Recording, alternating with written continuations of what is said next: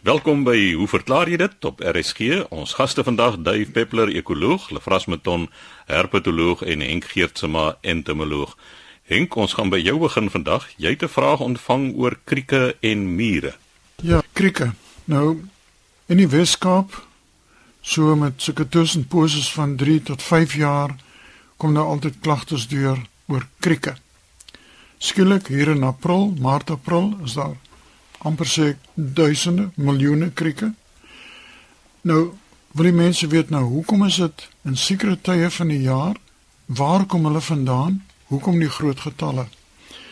Nou, ek het hierdie kriekstorie al hier van so 2003 in die oog. Want in 2003 was dit werklik hier in die Weskaap 'n probleem van Malmesbury tot verby Hermanus. En dit is baie interessant. Dit is 'n breë kusstrook waar die krieke oral verskyn het by winkelsentrums in woonhuise om swembaddens oral of as dit vuurpoele dis daar mens weet nie. Om terug te kom met ander woorde dit is in 'n vogtige landstreek. En interessant genoeg ek was later betrokke by 'n hofsaak waar die een gastehuis 'n kontrak verloor het as gevolg van die hoeveelheid krieke wat die buitelanders net nie wou aanvaar as deel van Afrika nie. Maar in elk geval 2005 was daar weer so 'n voorkoms van krieke en 2008 weer eens en nou hierdie jaar weer. Nou as jy mens kyk na die reënpatroon van die Weskaap. Nou jy weet normaalig kry ons in Januarie nie baie reën nie. Maar dis baie interessant en is nie toevallig nie In die jare wat Januarie besondere hoë reënval gehad het, kry mense 'n paar maande later 'n kriekplaag. Wat hier gebeur is, krieke, die wyfie lê eiers, sy het so 30 tot 40 eiers wat sy so sentimeter onder die grond lê in tuine en so aan. Nou, die eiers het 'n baie dun eierdoppie en die eiers droog baie maklik uit. So van die 30, 40 eiers broei daar miskien 10 uit, die res droog uit. Maar as die eiers in Januarie gelê word en die grond is baie vogtig, dan is die oorlewingsvermoë van die eiers ook baie hoog. En dan oor die volgende paar maande, dis nou Februarie, Maart, ontwikkel die klein kriekies word groot krieke en dan in Maart, April, wanneer die krieke volwasse is, verskyn hulle in hulle hordes. Krieke is natuurlik baie territoriaal As krieke min voorkom, steur hulle hulle nie aan mekaar nie. Maar so gou die populasie druk groot word, dan verjaag hulle mekaar. En dis die wat hulle beginne rondloop en swerm. Met ander woorde, hulle soek woonplek of blyplek. Hulle word natuurlik ook na lig aangelok en 'n mens kry dan veral by groot winkelfensters en so wat die hordes saam kook. Natuurlik is daar baie natuurlike vyande van die krieke. Voëls, katte, knaagdiere sal seker krieke ook aanval. Maar natuurlik in jou tuin wat redelik netjies gehou word, is daar min roofdiere en krieke is aktief in die nag. So baie voëls, duifie kan my reg help. Roofvoëls is meer aktief in die dag. So die krieke spring dit vry. Nou krieke is nie gesondheidsgevaarlik nie maar wel sal in jou klerekas kom. Krieke kan uit pure frustrasie jou klere begin vreet as hulle niks anders kry om te vreet nie. Ons ken almal die kriek onder die yskas. Nou gebruik maar die spuitkannetjie met die aerosol om uit te kry want anders te gaan nie om daai mannetjie nie uitkry nie. En ek sê ekspres mannetjie. Want dit is net mannetjie krieke wat die geluid maak. Hulle maak die geluid deur die twee voorvlerke oor mekaar te vryf. Die een voorvlerk het 'n rasperstelsel en die ander voorvlerkie is so glad soos 'n spieël. En as ons nou die rasper oor die spieël trek, kry ons 'n vibrasie. amper praat ek van 'n kosmiese vibrasie waarna ons in 'n vorige program verwys het. Die krieke kom voor dwars deur Afrika, Suidelike Europa en dele van Asië. Dis maar net 'n deel van ons omgewing Krieke doen skade. Hulle vreet plantmateriaal in die tuin en natuurlik as die getalle hoog is, dan kom die mense natuurlik outomaties en hy pas sy bestrydingsmaatreëls toe met die gebruik van 'n insektemiddel. Maar verder, krieke is 'n interessante dier en dis waar dit omtrent ophou. Maar pas op vir Januarie met baie reën, jy kan krieke verwag in Maart, April. Henk, dit is aanboeiend om te dink dat ons so geïrriteerd is met krieke en tog in die ooste is daar singkrieke wat verkoop word in klein hokkies omdat mense so daarvan hou. So jy kan 'n klein bamboeshokkie koop met 'n singkriek. Hy's natuurlik nou geteel vir sy mooi stemmetjie of sy vibrasies en dan luister mense met groot genot na die kriek. Is dit nie vreemd nie? Dave, maar aan die ander kant, as jy nie aand in die Karoo of iewers sit en die kriek maak hy geluid. Is nie 'n lekker geluid nie. En jy het nie 'n termometer nodig nie, want jy weet dit is warmer as 18 grade Celsius. Hulle maak geen geluid onder die temperatuur nie. Ek het ook al gesien hier op die Rooiplein hier by die universiteit. Duisende, duisende, as dit miljoene krieke is. En wat 'n vermorsing. Kan mens nie een of ander paai maak of 'n ding van van die krieke nie? Vir die winterrit want ons nie kos het nie. Wel die ding is met die salarisse wat baie dosente kry. Dis 'n dalk 'n goeie opsie. Dis heeltemal waar. En natuurlik rooi vlek spreeus, as mens gesien het hoe die rooi vlek spreeus te keer gegaan het op die rooi plein. Hulle was dik gevreet. Mens moet natuurlik ook besef hulle is naby aan sprinkane.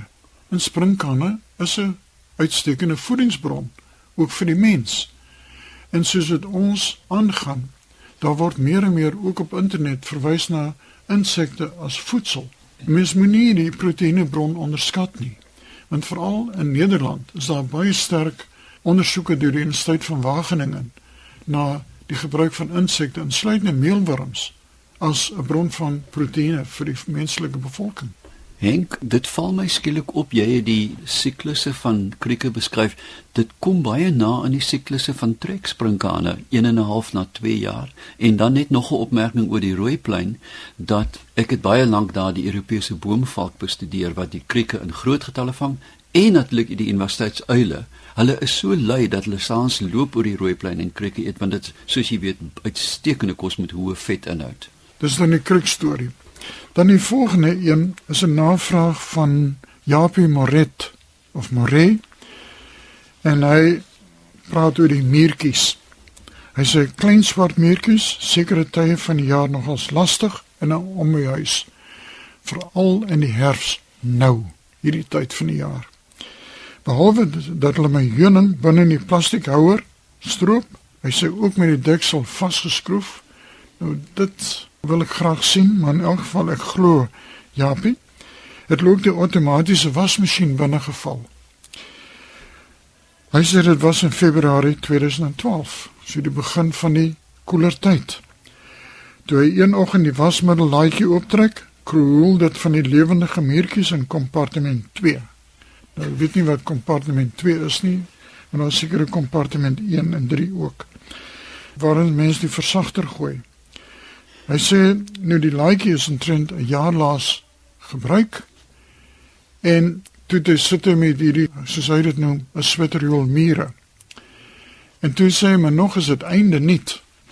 Toe ek die wasmasjien se handleiding boeke op 'n rakboek aan die wasmasjien uit die plastiek sakkie haal om instruksies vir die skoonste witste was na te gaan, wie moet dit ook van mure op bladsy 28 en 29. Presies wat die boek in die helfte opvou. Hy sê in die opskrif op bladsy 28 lees cleaning and care. Nou vry probeer die muurtjies dalk vir my iets sê of het my wasmasjien 'n besondere aantrekkingskrag. En hy sê luister graag na wat die geleerde manne hieroor sê het. En dis nou Japie Maret van Bloemfontein.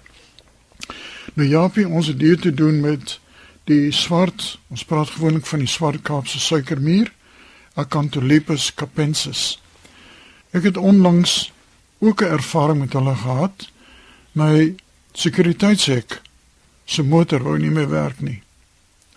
En toe die mense laat kom, teen groot onkoste, lig hulle die kap op en tot my skaamte moes ek erken, dit was wit van die muurpapies en swart van die mure. Die rede hoekom hulle in die wasmasjien is en baie kere ook in die wekker, radio's, allerlei elektroniese apparaat met hulle klein diodes kry mense dat hulle skuil daarin. Nommer 1, baie van hierdie mure is nagaktief, so mense sien hulle nie eintlik nie, nie in die dag nie.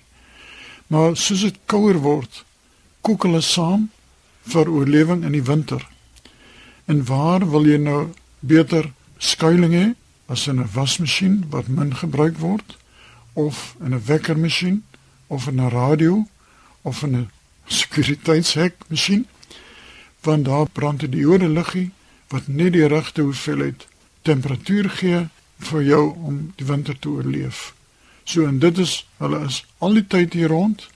Hulle is net nagaktief maar in die herfs en winter skuil hulle tot ongerief van die mens, maar tot gerief van die swart suikermuurtjies. Baie dankie Paul vir die vraagie. So gesels Henk Geertsma, ons entomoloog en Henk, ek kan net daar byvoeg ek het self die ondervinding gehad met 'n drukker byvoorbeeld wat permanent aanstaan of 'n rekenaar as jy weer sien op 'n dag dan krioel dit van die mure. Dave Peppler, ons entomoloog, Dave, daar is iemand wat wil weet hoekom kry ons nie lemurs in Afrika nie? Chris, ek was uh, onlangs in Madagaskar en uh, ek het 'n gereelde bydrae by Amore Becker se program Chila Tyd en uiteraard vertel van die lemurs en toe ek nou terugkom toe is daar nou 'n hele klomp navrae oor die vreemde diere. En Hester de Klerk stuur toe vir my e-pos uit Durban en vra hoekom net in Madagaskar? Hoekom is daar nie lemurs hier nie? Nou ja Ek dink mense moet net eerstens uit die weg ruim dat uh, lemurs is nie verwant aan die antropoïde ape, die ou wêreldse en die nuwe wêreldse ape soos ons hulle ken nie. Met ander woorde, hulle is hulle is primate, maar nie verwant aan die groot ape nie.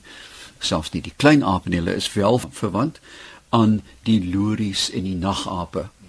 Nou, daar is tans in die orde van 100 spesies op daai eiland, kan jy dit glo? Maar as 'n mens nou moet kyk na die uh, geskiedenis van die geologie, dan kyk 'n mens dat Madagaskar het in die orde van 160 miljoen jaar gelede uit die groot Pangea omgewing begin wegdryf van Afrika, was meer verwant aan Antarktika en Indië. Indië is noord, het gebots met die Himalajas, Antarktika is suid en Madagaskar het die see ingedryf.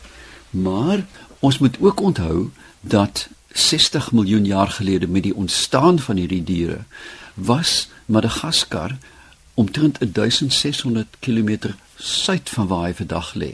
En dit is die rede hoekom daar ander seestrome was en toegelaat het dat hierdie primitiewe voorsate van die lemurs met tak en blaarmatte uit riviere kon dryf na Madagaskar, soos die verkleermannetjies en vele ander diere voels het uiteraard gevlieg.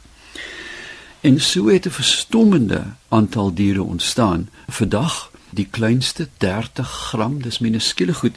Vreemde naam Madame Berthe se lemur en dan tot 2000 jaar gelede was hy een so groot soos 'n beer, maar die mense het hulle natuurlik uitgewis. Hulle het geen seksuele dimorfisme nie. Mense nou verwag dat die mannetjies groter as die wyfies is soos met die ander primate. Hulle het wel 'n interessante so 'n kielinaal aan die voet wat hulle die hare mee kam en die tande is ook nie so gespesialiseer eh, seksueel dimorfisties soos 'n mens by die primate groot slagtande by die mannetjies byvoorbeeld kry nie. Nou, een van die interessante aspekte van hierdie diere is dat hulle kommunikasie is in baie gevalle gebaseer op roepe en so roep die inri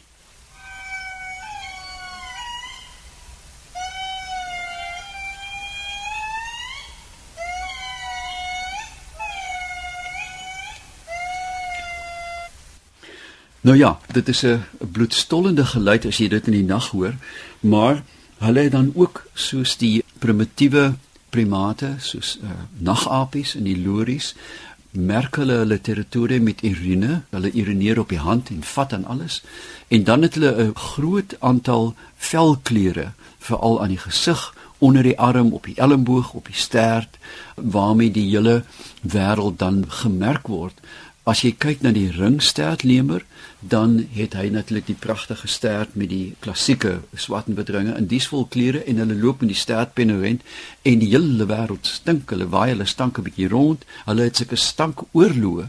Hulle gaan staan en hulle sterte bewe soos 'n kat wat in 'n bank pie en versprei so probeer mekaar dan oorweldig met hulle reuke. Ek moet sê mense moet ook nie te naby staan nie want dit stink nogals. Hulle het stadige metabolisme. Hulle kan hulle basaal metabolisme met in die orde van 20% afskaal as dit droog word en dan nie baie kos is nie. Die kleiner van hulle eet insekte hoofsaaklik waar die grootes blaarvreters is. Hulle is mobiele diere. Hulle is soos ons ape, gryp goed, kan verskriklik lekker spring en dan soos ek sê het hulle al hierdie danspassies om vir mekaar te wys hoe sterk hulle is met hulle groot sterte en stank. Die een ding wat hulle bedreig uiteraard is die vernietiging van habitat soos met baie ander spesies in Madagaskar daar's min oor van die oorspronklike reënwoude. Alles is omskep na rysplantasies en ander gewasse. Die eiland lyk sleg. Hy's ontsaglik ingedring deur baie aggressiewe plante soos gemmer byvoorbeeld. Jy kan nie by 'n rivier uitkom nie. Daar is 20, 30 meter some van ondeurdringbare gemmer om elke rivier en elke spesies in die boek dring in, die, veral die dennebome. Daar's hewige indringing. Lantana, al die goed wat 'n mens nie wil hê nie, is besig om die eiland te verwrig. Maar net dan ter afsluiting, hulle is boeiende diere. Hulle lyk na niks anders op aarde nie. Hulle lyk eintlik nie na primate nie. Hulle lyk vir my meer na katte. Pragtige oranje oë. Maar as jy in die oë kyk, dan besef jy jy het te doen met 'n primaat. Die hand vat soos die van 'n aap. Hulle is behendig, hulle spring soos die van 'n aap, maar hulle staan alleen in die wêreld, maar die naaste verwantskap is met die lories, die nagape, die sogenaamde slow lorie, die stadige lories, die nagape en die pottoes. Daar is ook in Wes-Afrika 'n snaakse klein primaat met die naam van die pottoes. Met ander woorde, die oersaad het van die nagape gekom en nie van die groot ape nie. Hoekom sê jy duif is hulle nie op Afrika nie? Hulle is nie in Afrika nie omdat die vestiging was een rigting. Met ander woorde, die lories pottoes het na Madagaskar gegaan, maar nie teruggedryf nie. Dit sou kon gebeur het dat die seestrome toegelaat het dat 'n primitiewe lemur met 'n vloed op 'n spultakke kon teruggaan Afrika toe, maar dit het nooit gebeur nie. So die insuur van die eiland was een rigting. Dis eintlik die isolasie van die eiland. Want ons baie insekte wat uniek is tot Madagaskar, maar ook baie insekte wat byvoorbeeld die mooiste dagvliegende mot, Urania rufeus van Madagaskar, het 'n ewe knie in Oos-Afrika, maar wat interessanter is, ook 'n ewe knie in Suid-Amerika. So dit is nou nog voordat Madagaskar weggebreek het, moes die genus Urania al ontstaan het. Maar ons praat nou van insekte wat natuurlik 'n baie ouer geologiese geskiedenis het as die lemurs. Maar ek wil net iets noem oor lemurs en insekte. Die lemurs het 'n metode ontwikkel om duisendpote te versamel en dan vinnig deur hulle pels te vryf. Wanneer 'n duisendpoot wanneer dit gealarmeer word, skei 'n amper 'n soort van 'n sianiet af wat 'n soort van 'n insektemiddel is. So die lemurs moes dit ook op 'n of ander manier uitgevind het dat dit werk, want duisendpote kan jy nie eet nie, maar jy kan hom wel vry om ontslag te raak van jou ongedierte in jou pels. Goed, dit wat betref die lemurs op Madagaskar, laaste aan die woord, Lefras Meton, ons herpetoloog.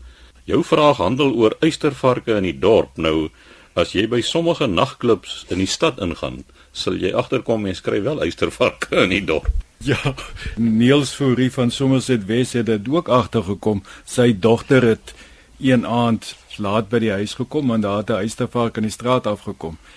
En uh, sy het 'n foto geneem met haar selfoon en dit het hom nou oortuig dit was wel 'n uistervark. Nou ek het ook al voorheen gehoor in Kaapstad uistervarke en ek is seker aan baie plekke kom uistervarke wel in die dorp en dit is maar iets wat gebeur. Mens kry 'n pofadder in die middel van Stellenbosch en 'n geelslang die goed kom maar van tyd tot tyd. En ek dink jy mens moet redes sosie soek oor hoekom hulle inkom nie. Dit gebeur maar so af en toe maar hy wil ook weet kom uistervarke in in die Weskaap voor ja uit die aard van die saak kom hulle voor daar is seker die moontlikheid dat dit 'n ontsnapte uistervark uit een van die kroe kan wees soos wat jy genoem het maar uistervarke het of hierdie spesifieke spesies die Kaapse uistervark het 'n baie groot verspreiding in suidelike of die suidelike subkontinent eintlik. So ja, uistervarke kom hier voor en dit was 'n uistervark. Maar ek wil net so 'n bietjie oor uistervarke vertel. Ons het by 'n vorige program gepraat oor molle wat knaagdiere is. Uistervarke is ook knaagdiere en dit is van die groter knaagdiere om die waar te sê van die uistervarke is derde op die lys van groot knaagdiere. Capybara is die grootste een en dan kry mens die bever as die tweede grootste uistervarke. Daar is 'n hele spul uistervarke in die wêreld, 29 spesies in totaal. Hier in Afrika, soos ek sê, by ons is net een spesies, maar hoër op in Afrika is daar nog spesies. Uh uistervark is natuurlik 'n soogdier. Wat vir ons interessant is van die uistervarke is natuurlik dat hulle word erken deur hierdie stekels of penne wat hulle het wat hulle gebruik om teen predatore te beskerm. In die verskillende groepe uistervarke het hierdie penne onafhanklik ontstaan van mekaar. Met ander woorde, dit het in die geskiedenis twee keer ontstaan. Konvergente evolusie. Die penne is maar hare verdikte hare met lekker dik laag of plate van keratin op en dit sit in die spiere ingebed en wanneer 'n uh, uistervark dan nou aangeval sou word deur 'n predator dan word hierdie penne as dit teen die aanvaller stamp dan steek dit in die aanvaller in en dit daar's ook soms sulke weerhakies aan die punte en dit bly agter en natuurlik kan dit nou sweere en allerlei uh, selfs tot die dood lei by die aanvaller. Dit is natuurlik nie waar dat 'n uistervark sy penne kan uitskiet oor 'n afstand nie. So mens kan maar as jy so 'n meter van 'n uistervark af is of meer, hy kan jou nie skiet met die penne nie. Hy kan wel vinnig na die aanvaller beweeg en teen die aanvaller stamp en op die manier die penne in die lyf kry. Ons het al by 'n vorige geleentheid ook daaroor gepraat oor hoekom is uistervarkpenne swart en wit gekleed. Dit is waarskuwingstekens en die gedagte is as 'n aanvaller eenmal met 'n uistervark te doen gekry het dat hy gaan onthou. Luister, daai swart en wit diertjie moet ek moet ek liewers in die toekoms vermy. Ek vra altyd die vraag vir die studente oor hoekom is 'n uistervark penne swart en wit en hulle sê altyd vir my sê dit is om die uistervark te kamoufleer.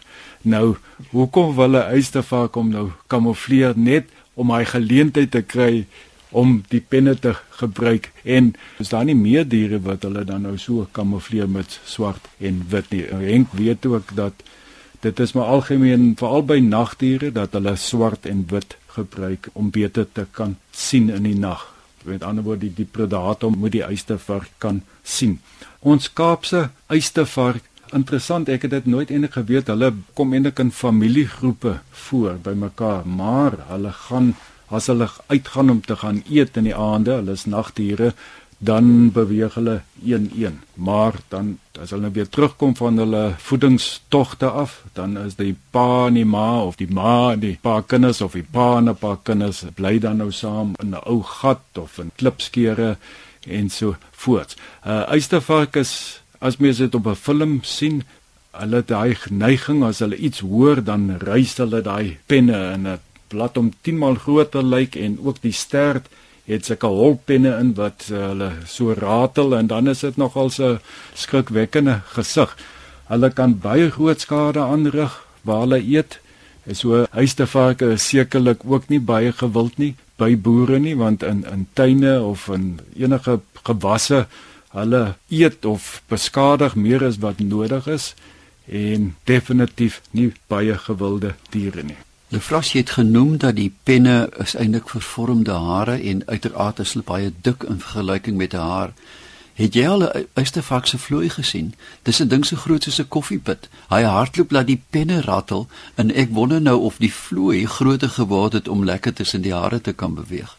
Ja, ek sal nou net dink 'n klein voelhoutjie, daar moet mos nou groot spasies tussen daai penne wees. So kleiner, jy nie eintlik nodig om groter te word want dan maak jy dit vir jou moeiliker om te beweeg. Ek wonder jy moet tog vorige keer kyk of die vloeie nie ook penne op het. Dis 'n voorbeeld van ko-evolusie. Dis wat ek vra. so, uistervarke, soos maar die meeste van die diere wat veral wat so familiegroepies bly, hulle kry so 1 tot 3 kleintjies op 'n keer. Die kleintjies bly by die ma vir wel dit kan vir 'n redelike lang tydperk voor hulle natuurlik nou wegbeweeg maar so op 5 maande ouderdom dan sal hulle nou begin uitgaan om op hulle eie te gaan kos soek. Tot dan word hulle nou maar gevoer.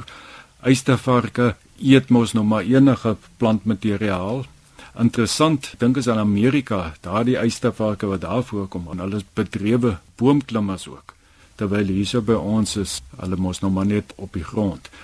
Wat ook interessant is en ek weet nie of dit waar is nie, wanneer hulle gaan paar, dan sal die mannetjie urineer op die wyfie en dan vind paring nou plaas, maar of dit nou waar is, weet ek nou nie.